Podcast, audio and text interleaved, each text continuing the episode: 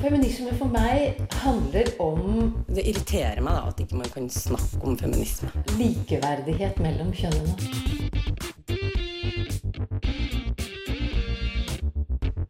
Det blikket på kvinnen på film. handlet det om å bli tatt på alvor som jente. Du hører på Et eget rom på Radio Nova. Gråsoner eh, kalles det, men finnes det egentlig den her uklare situasjonen som er eh, verken eller? Er det sånn at det er noe som er litt innenfor loven og litt utenfor? Og hvordan skal vi i så fall forholde oss til eh, det her?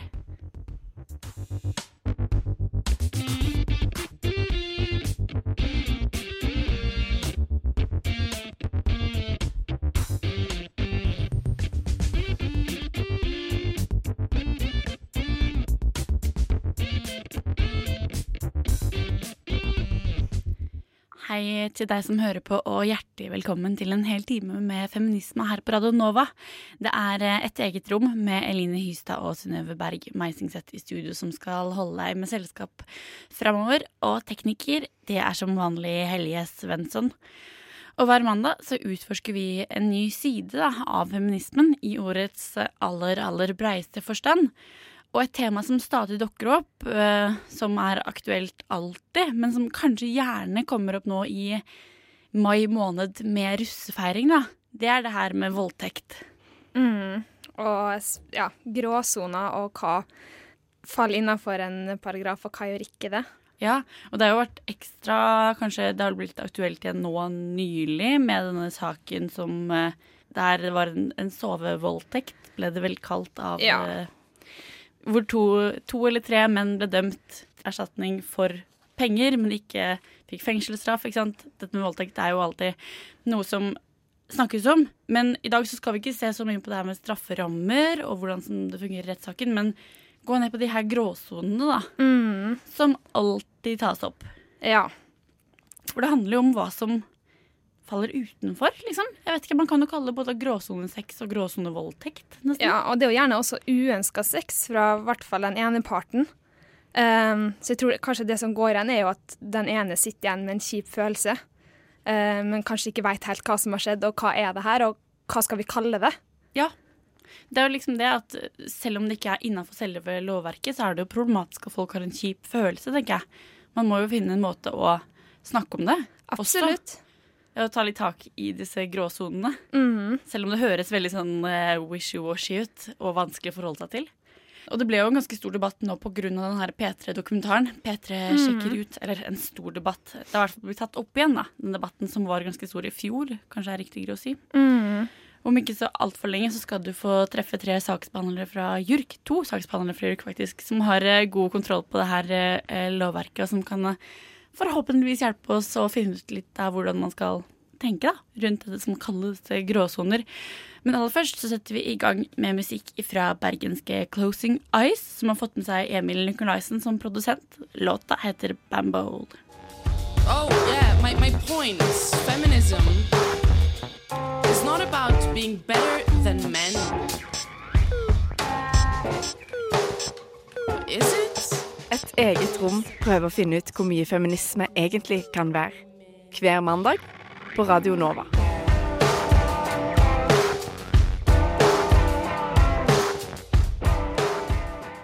Ja, og det er eh, gråsoner som er eh, temaet hos oss her i dag. Eh, Et kanskje veldig lite konkret tema. Men, men det er temaet, i hvert fall. Og det blei jo nå nylig aktuelt igjen med P3-dokumentaren P3 sjekker ut, hvor de har litt sånn forskjellige temaer som de sjekker ut da, i litt sånn kort ungdommelig format. Eh, og da sjekka de altså ut gråsoner. Og snakka med forskjellige unge folk om hva de tenkte rundt temaet. Kanskje spesielt av festrelatert. Mm. Gjerne alkohol Eh, inne i bildet. ja. ja. Hvor man ikke husker så mye dagen etterpå, eller ikke husker noe ting. Og det er liksom uklart hva som har skjedd, da. Eh, fordi da dukker jo de her, gjerne, de her gråsonene gjerne opp. Vi kan jo høre et lite klipp derfra.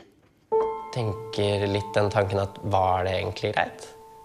Var vi begge til stede der? Er det, er det noe jeg har gjort galt nå? Altså, jeg husker veldig lite. Og den samme situasjonen kan oppleves fin for den ene og helt innafor, og veldig vond for den andre. én ting er jeg er sikker på, at vi må snakke om de tingene hvis det skal bli bedre. Vi må tørre å gå inn i gråsonen. Så ta og sjekk ut det her. Litt eh, lyd fra P3 sin dokumentarserie P3 sjekker ut med temaet gråsoner, hørte du der. Og programleder Leo Ajkic sier jo til slutt her at det er noe som man må snakke om i hvert fall, eller sjekke ut. Absolutt, det er veldig viktig. Ja, det tror jeg er veldig sant. Uh, og selv om det er kanskje vanskelig å vite hvordan man skal snakke om det, og hva man skal definere det som, så er det jo veldig viktig å snakke om det. Og det jeg synes var litt, eh, kanskje det viktigste som kom fram, var det med kommunikasjon i den dokumentaren. Og hvordan snakker man med hverandre i en sånn, en sånn situasjon. Og det er vel kanskje der hele problemet starter òg, da. At man ikke greier å kommunisere på den rette måten. Mm. Men fordi det- det blir jo liksom uklart, og så har man forskjellige definisjoner, også sånn subjektivt og objektivt, Mm. ofte det virker som. Og det kom ganske godt fram i fjor også, da når det var ganske masse kronikker eh, rundt det her, med gråsoner og hva som er voldtekt og ikke voldtekt. Og en av de tekstene som fikk ganske masse oppmerksomhet, det var jo Elin Ørjasæter sin kommentar i Morgenbladet, august 2016. Ja. Det er Eh, på tide å gjenreise forskjellen på fyllerør og voldtekt, skriver hun. Hun skriver det. Eh, og hun mener jo egentlig at eh, unge jenter og samfunnet for øvrig er ja, for overfølsomme eh, når det kommer til eh, dårlige seksuelle opplevelser. Hun skriver at hun som ung festa mye med eldre menn og havna i sånne gråsonesituasjoner sjøl, men kom seg helskinna ut av det. da, At det var, det var en del av det å bli voksen. at Trenger det nødvendigvis å være så traumatiserende, eller er det bare en forventning samfunnet skaper, da, at sånn skal man føle det? Som på en måte ufarliggjør eller eventuelt bagatelliserer sånne gråsone-sex-situasjoner. Og så avslutter, hun med, med å skrive at livet er fullt av dårlig sex, særlig når man er ung. Det er på tide å gjenreise forskjellen på fyllerør og voldtekt. Så mener hun egentlig at eh, disse kjipe seksuelle opplevelsene eller uønska sex bare er fyllerør. Det er sånn man opplever når man er ung, og det er på en måte en del av dannelsesreisen til å bli voksen. da. Kanskje nesten sånn at det ikke er en så stor gråsone, men heller en fyllerørsone. Ja, mm. Um, et, en av de, de svarene som kom, da, det var jo fra Hanne Kristin Rode, som har vært leder for volds- og seksualforbrytelser her i Oslo politidistrikt, bl.a.. Og Lisa Arntzen, som jobber hos eh, Dixie. De svarte med et blogginnlegg i august 2016. Og der er de veldig opptatt av at man ikke skal generalisere da, fra en personlig opplevelse, sånn Mm. som Elin Ørjasæter gjør langt på vei. Eh, og at det er eh, lite attraktivt merkelapp med voldtektsoffer. sånn at det er ikke sånn at hun, at hun tror ikke at, De tror ikke at folk velger å bare kalle seg det for å gjøre det. Nei, for oppmerksomhetens skyld, liksom. Ja. Og så tar de jo tak da, i det her med, med frivillig sex og voldtekt og sier at det fins ingen gråsoner mellom frivillig sex og voldtekt. Så det, de, for de så er det enten eller. Det er aldri sånn at det er en gråsone. Og hovedpoenget deres blir jo altså da at ja betyr ja og nei betyr nei. Ja. Som er disse slagordene som vi har hørt en del ganger nå, tenker jeg. Absolutt. Både fra Amnesty, som har hatt det som sånn russekampanje, så man ser Mm. det på sånn alle russebukser nå. Og JURK og Sannhetskvinnene, som sier at ja betyr ja, Mm. i motsatt vei. Og det er jo noe jeg tenker at vi kommer inn på seinere her også, det her mellom ja og ja og nei og nei, eller consensual eller non-consensual sex, Ja. som har vært mye snakk om i det siste, Mm. og strafferammene våre, Mm. som er litt annerledes. Ja. For det er kanskje det her det ligger litt, da. Liksom Hvor fleksibelt og tøyelig er det? Fordi med disse to kronikkene så kan det jo nesten framstå som om det er helt sånn Ja, hva, hva er egentlig Har vi noe håndfast i det hele tatt, tenker jeg. Juridisk, ja. Mm. Mm, ja. Heldigvis så sitter JURK klare for å komme inn i studio ganske snart og hjelpe oss med det her med Ja, er det sånn at vi har masse som faller utenfor eller ikke? Men først skal du få høre musikk fra artisten Elado Negro, som er bosatt i New York. Men med veldig sterke ecuadorianske røtter. Og ifølge sånn videregående spanskkunnskapen min, så tror jeg det betyr noe sånt som svart iskrem. Eh, låta heter Lengua Larga. Det vet jeg ikke helt hva det betyr, men du skal få høre nå.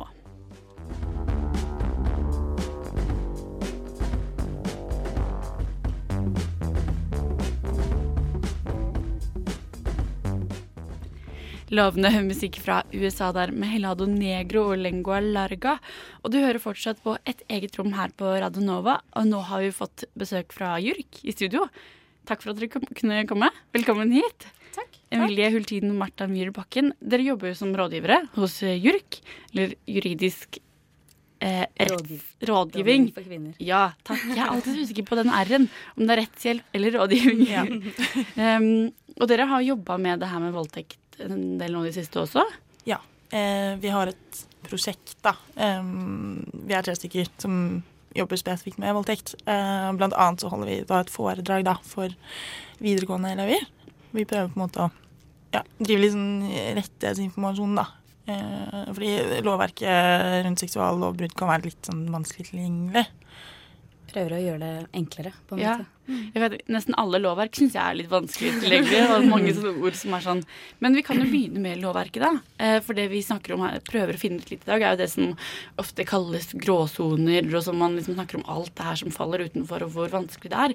Men hvis vi begynner med lovverket, er det riktig at det er straffelov paragraf 291 vi er på da?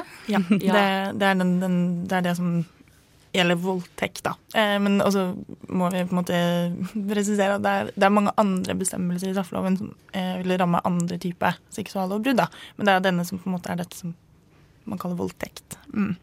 Og da er det på en måte den bestemmelsen presis, altså den beskriver straffbare handlinger, da. Og det er også sånn at for å kunne bli straffet for noe, så må du, du må andre eh, vilkår som også må være oppfylt, da. Altså sånn, sånn skyld, for eksempel. Eh, så dette er på en måte bare sånn objektiv beskrivelse av noe som kan være voldtekt. Ja. Ja. Kan, dere, kan dere hjelpe oss igjen? Hva, Ja. hva er det som er en voldtekt eh, per def? Altså, det det? Ja, det er jo tre forskjellige situasjoner, på en måte. Det er, eh, men det som er eh, Det må foreligge en seksuell omgang. Det, er måte, det kan være mer enn samleie, da, men det er typisk liksom de mer eh, Hva skal man kalle det? Grove tilfellene av seksuelle si, handlinger. um, og så da er det eh, dette med um, at du har skaffet deg seksuell omgang med vold eller truende atferd. Da er det liksom viktig å huske på at vold og truende atferd er ikke det man i dagligtalen ville kalt vold og truende atferd. Altså, det er ganske mye lavere terskel, da. Det liksom er en sånn Kanskje en liten misoppfatning der. Eh, eller det at man har seksuell omgang med noen som er bevisstløs eller ute av stand til å motsette seg handlingen. F.eks. En som sover. Det er liksom de to viktigste, da. Det er vel også det med alkohol kan falle under sistnevnte der. Å være for full, f.eks. Eh, ja. Det vil absolutt Ja. Ute av stand til å. Ja, ute av stand til å motsette Ja. handlingen. Mm. Mm. Men det her framstår jo som en ganske sånn konkret definisjon, da, tenker jeg. Eh, Det er jo i hvert fall tydelig at det er noe som eh, spiller inn her. Men hvorfor, hvorfor tror dere da at det er så mye som snakkes om sånne her gråsoner? Altså, jeg tror det er litt sånn her at man blander sammen at man snakker om litt forskjellige ting, da. At man på en måte snakker parallelt om det rettslige og det etiske og kartlegging av faktum og sånn, og man på en måte ofte blander det litt sammen. Fordi det som Martha sa nå, det er jo den objektive gjerningsbeskrivelsen som vi prøver å forklare, holdt jeg på å si. Og så er det jo sånn at jussen er jo der for at den skal være anvendbar. Og det skal jo egentlig være sånn at man har utforma loven sånn at det ikke er så mange gråsonetilfeller, da. Det skal jo egentlig være mulig å si ja, straffbart, eller nei. og det er vel litt det vi opplever, da, at når du sier at det er en klar definisjon, så er jo vi enig i det. Fordi den er jo ganske klar, og så snakker man mye parallelt da om hva som på en måte burde være greit og ikke greit, sånn mer på et etisk plan, da. Um, og det Martha sa nå, det viser jo f.eks. at denne diskusjonen om samtykke Og det er en del som mener at samtykke står veldig sentralt i voldtektsdebatten. og Det gjør det jo absolutt, men det Martha sa nå, viser jo at samtykke er på en måte et underliggende element da, i voldtekt, selvfølgelig. Men loven bruker det jo ikke. Så det Nei. illustrerer jo på en måte at man diskuterer forskjellige ting litt sånn blanda sammen, og det er jo litt vårt på en måte, formål med foredrag og rettspolitisk arbeid og sånn, da. Ja, For det med samtykke er- spiller bare inn så framt man ikke kan bestemme seg selv, altså ikke kan samtykke. Men det å si nei i f.eks. edru tilstand, det holder egentlig ikke i Nei. lovverket. Eh, eller det, det vil jo være, kunne rammes av andre bestemmelser, da. F.eks. 297, da, seksuell handling uten samtykke. Eh, men rent praktisk så er det jo litt vanskelig kanskje å tenke seg tilfeller Altså vil ikke så ofte komme på spissen, kanskje. Eh, at det liksom, det ikke foreligger vold eller truende atferd, men, men et eh, ikke at man sier nei. Eh, at, fordi den terskelen for hva som er vold eller truende atferd, er, er ganske lav, da. Um, Det, det er ikke liksom å holde fast og rope. Det er mer sånn Altså, det kan være ganske lav Skal ganske lite til. skal ganske lite til. Og det er vel også litt sånn derre problemet med at det står i loven vold. Og så tenker man at vold i dagligtalen er jo et ganske kraftfullt begrep, da. Men uh, voldsbegrepet etter straffeloven, altså denne paragrafen, er jo ment å være ganske lav terskel. Jeg tror man har brukt at på en måte enhver kraftanstrengelse. Og Ja. det Det er, det er ganske Ja. lite. Ja, det er ikke så mye. Men jeg bare lurer på sånn eh, altså, Syns dere det er mange gråsonetilfeller? Hvis dere ser altså Nå tenker jeg Bortsett fra disse sammenblandingene av eh, holdninger og lov. Altså i selve lovverket, da. Hvis dere ser på saker som er Altså, hvis eh, jeg skal svare på det Jeg tenker sånn at det som er problematisk ofte, er jo sant, å kartlegge hva er det som har skjedd. Og at eh, det er utrolig vanskelig på en måte å finne fram til hvem, hvem har gjort hva, og hva, hva er det nok til å være en kraftanstrengelse og sånne ting. Så det er vel mer det at man må klare å kartlegge et liksom, hendelsesforløp, ikke sant? og man må kunne bevise det i retten hvis man skal ta det dit. Og da er det jo det som er det mest problematiske, tenker jeg. At man må på en måte klare å kartlegge et faktum, som vi kaller det. Og så opplever jeg at når man først har klarlagt det, så er det å på en måte anvende jussen på det faktumet Det er ikke nødvendigvis det som er så vanskelig, da, selv om det også kan selvfølgelig by på tvil. Og det kan være et tolkningsspørsmål der òg.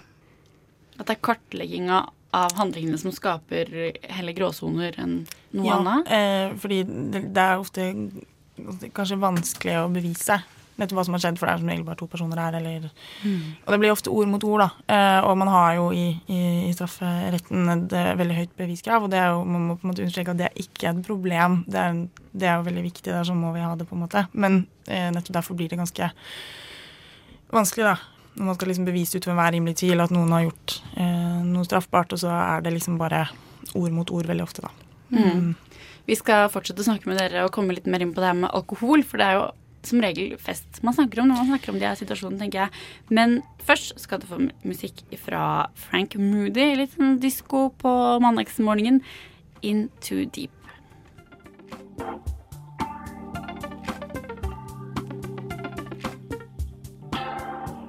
London-baserte Frank Moody hørte du der med låta In Too Deep. Og vi har fortsatt besøk fra JURK her i et eget rom og snakker om eh, gråsoner.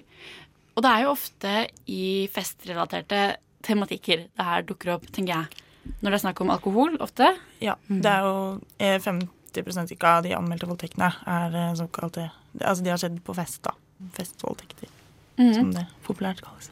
Men ja, hva er det sånn at det er eh, mest der det er snakk om disse gråsoner? Er det bare noe man får inntrykk av? Eh, Har dere noe Det er vel eh, egentlig det. Det er ganske Særlig det vi snakket om å på en måte finne ut av hva som har skjedd, da, blir jo veldig mye vanskeligere når det er bare to personer i et rom som har hver sin subjektive oppfattelse av hva det er som har skjedd, og de gjerne er preget av eh, alkoholinntak, da.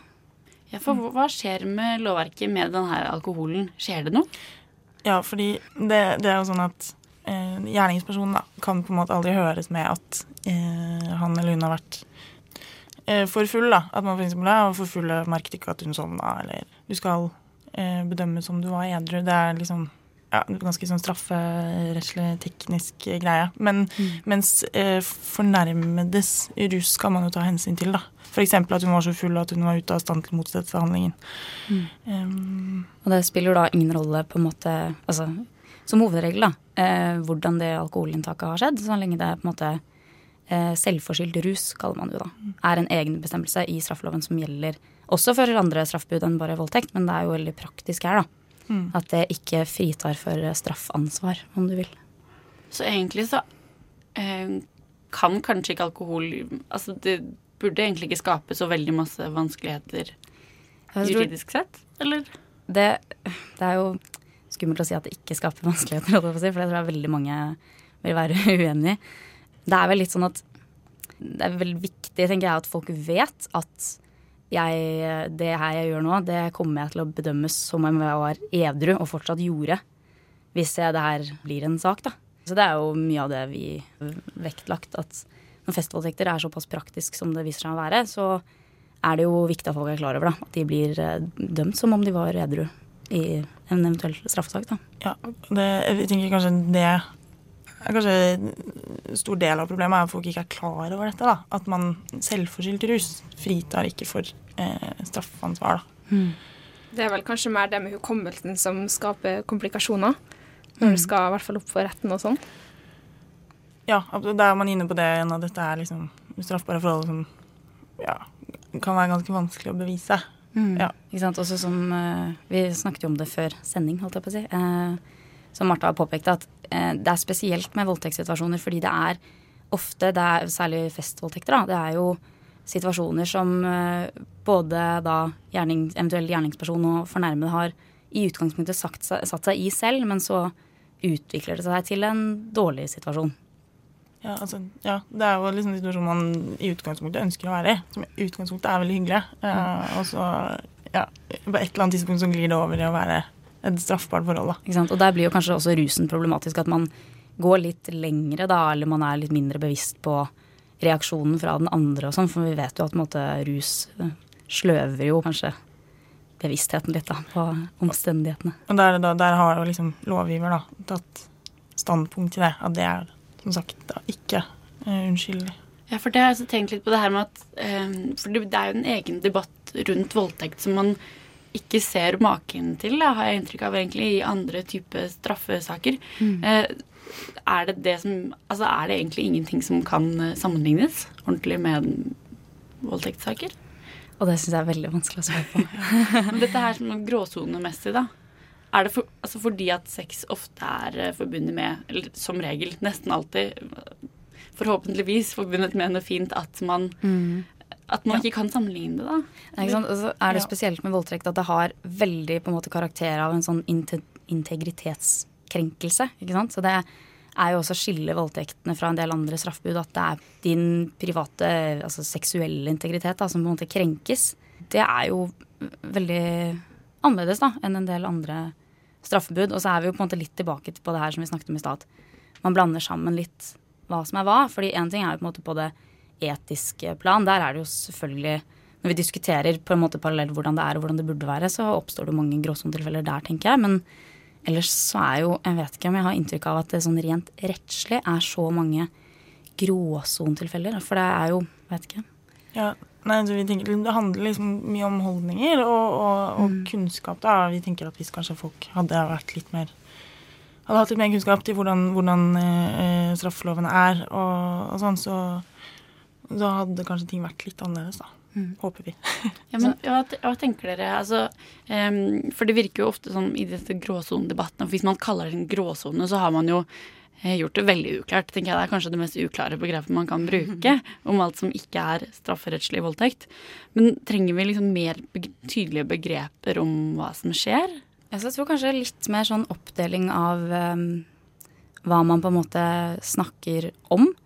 Uh, for det altså Med gråsoner i jussen så er det jo litt sånn ja, vi har mer Vi har veldig klare tilfeller, og så har vi mindre klare tilfeller. Og festvoldtektene kommer jo veldig ofte inn i den siste kategorien. Um, men jeg, jeg føler at jeg vet liksom ikke helt hva som skal til for å få mer sånn klarhet i den debatten. Jeg nå, Det er jo på en måte min personlige mening, men jeg syns at det med gråsoner er kanskje litt hemmende for debatten. Eh, fordi man eh, Man burde jo på en måte bidra til å oppklare, tenker jeg. Enn å på en måte lansere et sånt begrep hvor det nesten virker som at alle voldtektstilfellene er på en måte altså kan det, på en måte slår bare den ene eller andre retningen ut fra nesten hvem som er dommer i saken. Ikke sant? Jeg synes at Det er litt sånn, um, det bidrar til forvirring og ikke oppklaring, egentlig. Og så tenker jeg også for sånn, Man snakker jo mye om gråsonetilfeller, at det er ofte veldig unge mennesker.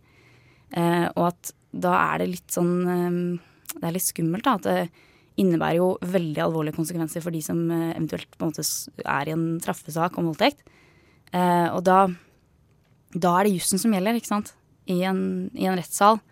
Eh, og da er det litt skummelt at man på en måte jeg vet ikke, ikke er klar over at eh, jussen er som den er, da. Eh, fordi den, eh, det er liksom det som har de mest alvorlige konsekvensene, tenker jeg. Ja, og det, ja. Eh, ja, altså, og det blir liksom der, Man kan få liksom feil inntrykk av ja, hvordan at folk liksom blir dømt litt liksom der, ja, Vi tror kanskje at det har skjedd noe straffbart her, og så får det alvorlige konsekvenser. Og så man liksom mister litt tilliten til rettssystemet. Og det er liksom det er enighet om at det skal ganske mye til for å dømme noen. Vi har et veldig høyt beviskrav. Det skal være ja, stor grad av rettssikkerhet da, for, for tiltalte. Og det er liksom Det er ikke tilfeldig. Um, det blir sånn eh, Det blir liksom fremstilt litt sånn feil, da. Mm, og det tror jeg også bidrar til litt sånn det er gråsone og forvirring der. At egentlig så tar jo på en måte eh, strafferetten, holdt jeg på å si, bare ser jo bare på hva gjerningspersonen har gjort. Og i den gråsonedebatten så føler jeg at det er også på en måte snakk om hva fornærmede gjør, som jeg tenker at er strafferettslig skal i hvert fall være eh, relativt irrelevant, i hvert fall i straffespørsmålet. Og så er straffeutmålingen en annen ting. Men eh, det også er litt sånn i gråsonedebatten så er det liksom eh, litt skummelt, da. At man både det her med at gjerningspersonen er på en måte det som dens handlinger som skal avgjøres i retten, og det med Der kommer jo liksom rus da inn. Som eh, du ikke kan høres med, liksom. Eh, helt til slutt, sånn helt kort. Det virker jo som om det er mye som altså Uavhengig om det er Selv om det ikke er en rettslig voldtekt, som jeg har sett, så er det jo ganske strengt, ganske tydelig hva som er en voldtekt. Hvis det er så mye som faller sånn litt utenfor Det virker jo som det er mange sånn ubehagelige opplevelser som kommer fram. Eh, tenk, hva tenker dere man kan gjøre med det?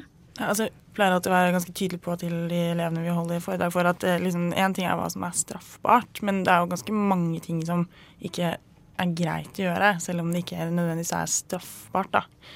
Må være litt greie med hverandre, på en måte. At de fleste vil jo på en måte holde seg ganske langt unna det som vil være straffe, ja, straffbare forhold. Um, Og så tror jeg at det er viktig på en måte, hvis man tenker at man har vært eh, i en på en måte dårlig situasjon og sånn, og tenke litt på sånn var det her egentlig greit?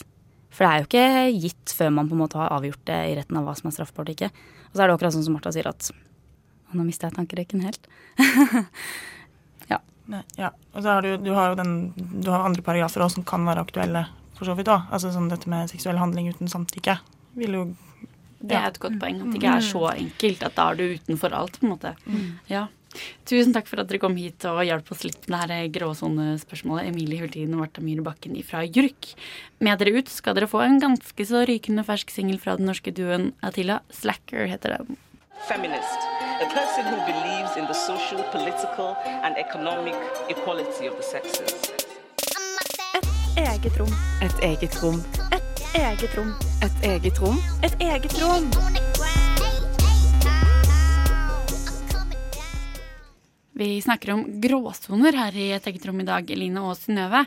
Og nå har vi hatt besøk av JURK og snakka litt om at det er kanskje et skille litt mellom hva sjølve lovverket sier, og hva slags holdninger man har. Mm. Og det er jo faktisk sånn at halvparten av de som opplever å bli voldtatt i løpet av livet, de er under 18 år når det skjer. Som er kjempemasse, da, tenker jeg. Og det var også et viktig utgangspunkt for eh, Redd Barna da de bestemte seg for å spørre ungdom om hva de definerer som voldtekt, og hvorfor de tror voldtekter skjer.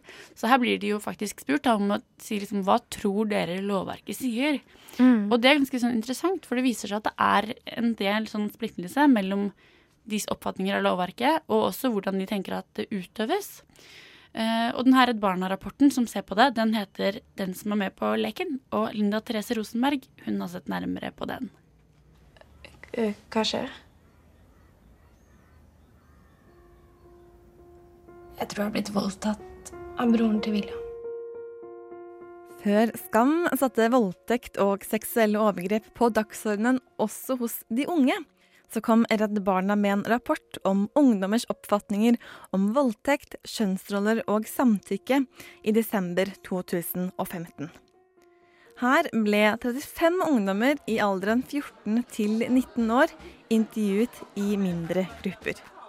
Og når man snakker om festrelaterte og relasjonsvoldtekter med norske ungdommer, hva definerer de som voldtekt, og hvorfor tror de at voldtekter skjer?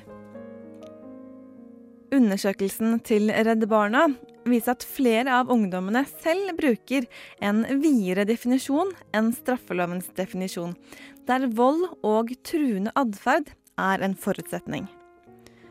Ungdommene definerer i stor grad voldtekt som sex uten samtykke, og er opptatt av at ett nei er nok. Selv om loven mener at det skal bli utøvet vold for at det er voldtekt, mener jeg at voldtekt er sex uten samtykke.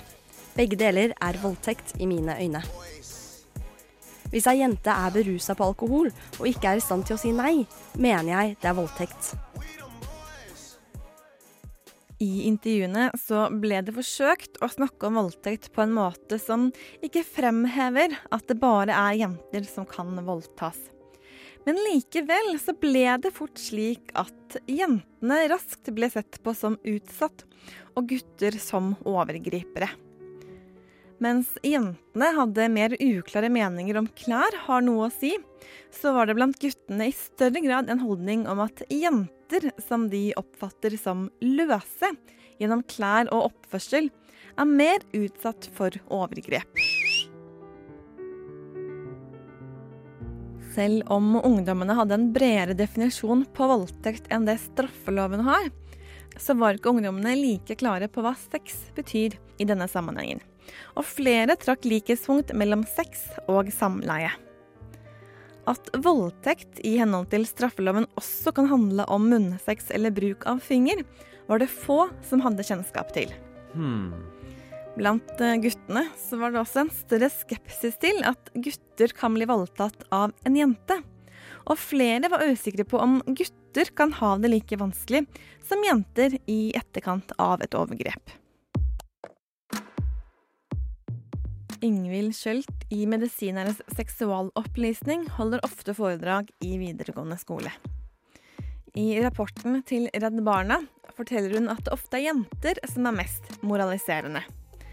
Holdningen er at med en gang du blir en aktiv agent, f.eks. ved å ta imot en øl fra en gutt, så har du sagt ja. Skjølt forteller at forestillinger om skyld er så innarbeidet at mange ungdommer ikke skjønner hva som egentlig er et overgrep. I Redd Barnas undersøkelse så blir ungdommene bedt om å diskutere konkrete historier som er sendt inn til ung.no. Og ungdommenes samtaler viste annet i samtalene så ble det flere ganger vist til at overfallsvoldtekter med bruk av vold er de verste, og en helt annen kategori enn voldtekt av noen man kjenner. Flere av ungdommene hadde en holdning om at dersom en jente først sier nei, uten å bli hørt, og deretter gir opp, så kunne det bli tolket som at hun sa ja. Det handler altså om å si nei på en bestemt måte. Både jentene og guttene mente at det er jentenes ansvar å si klart ifra dersom hun ikke vil. Og jentene ble generelt gitt et ansvar. Vil de ikke ha sex, så må de oppføre seg, kle seg og drikke deretter. Har en jente bydd på seg selv og lagt seg i samme seng som en gutt, kan hun selvsagt trekke seg. Men da er det ikke bare hans feil om det går for langt, mente flere av ungdommene. Ingen nevnte at også gutten kan spørre om jenta egentlig vil. Ungdommene gir hverandre lite rom for å utforske, kysse og klå uten å gå hele veien. Flere av guttene var negative til å blande seg inn hvis en venn forsøker å sjekke opp ei jente. Med mindre det er helt åpenbart at jenta ikke vil, og kompisen likevel fortsetter. Enkelte av jentene ga uttrykk for ganske tøffe holdninger overfor andre jenter som forteller om seksuelle overgrep. De mente at jenter bruker voldtekt fordi de angrer på sex, og bare later som at de har traumer. Flere fortalte historier om det de mente var falske anklager, og det var delte meninger om hvor vanlig det er å lyve om voldtekt.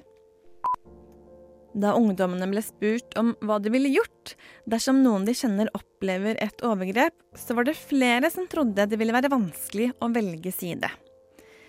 De var veldig opptatt av at det er viktig å finne sannheten om hva som kan ha skjedd, og at man snakker med begge parter om hendelsen.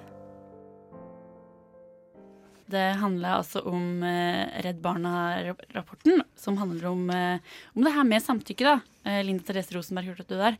Og det er jo litt sånn spennende, da, for når de her ungdommene spørres, så virker det som om de har ganske sånn konkrete inntrykk av hva eh, uønska sex eller voldtekt er. Ja, de er jo mer på nei er nei. Altså Ja. sex uten samtykke er er, en voldtekt. Strengere liksom enn lovverket. Mm. Men samtidig da, så, så viser denne rapporten at fagpersoner som spørres om det her, de sier at de ofte får henvendelser fra ungdommer som er usikre. Mm.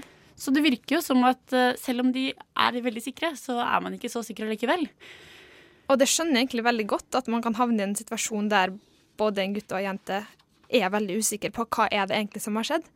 Men jeg tror det er ganske viktig å trekke fram det med at man kan si nei på mange måter. Og man kan også signalisere ja på mange måter, men jeg skjønner veldig godt at det kan være vanskelig å tolke. Både et ja og et nei. Det kan være være tider, på en måte. Og hvis man skal snakke om det som faktisk uansett havner utenfor lovverket, så handler det om å lage komfortable situasjoner for alle, da. Ja. Og være tydelig. Og hvis alle er tydelige, så, så blir det tydeligere og finere. Det er vel egentlig nøkkelen for å unngå sånne situasjoner, men det er mye enklere sagt enn gjort. Ja.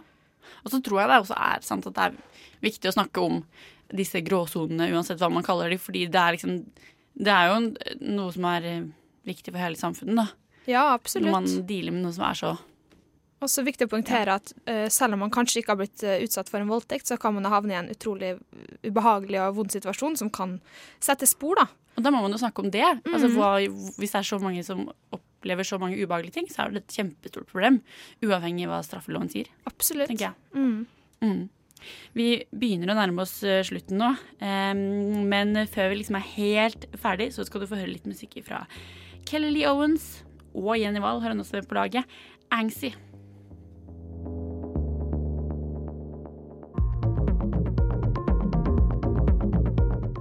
Angsy hører du slutten på der fra Kelly Owens sin selvtitulerte debutplate som kom ut nå for ikke altfor lenge siden. Vi i Et eget rom nærmer oss ganske ferdig nå for i dag. Vi har jo kanskje blitt litt klokere på det her med gråsoner? Eller? Ja, det, det, det er fortsatt litt vanskelig, men eh, litt klokere. Det er ikke så mye å bli så klok på, men vi har i hvert fall snakka om det, da. Og det tror jeg er viktig. Absolutt. Det tror jeg er viktig at alle gjør. Liksom. Det er ikke, det er ikke svart-hvitt, og det er ingenting som er det, kanskje. Nei. Uansett, liksom. Eh, Neste uke skal vi snakke om samværssabotasje og det her med fordeling, fordeling av barnesaker. For der er det en ganske stor skjevhet mellom menn og kvinner. Så det blir veldig spennende.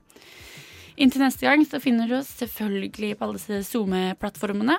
Og forutenom Eline Hystad og Synnøve Berge Meisingseth, så har du hørt eh, Linda Therese Rosenberg og teknikk fra Helje Svensson. Helt til slutt her, musikk fra Safe Talk, Universal. Radio Nova. Du har hørt en podkast fra Radio Nova. Likte du det du hørte? Du finner flere podkaster i iTunes og på radionova.no.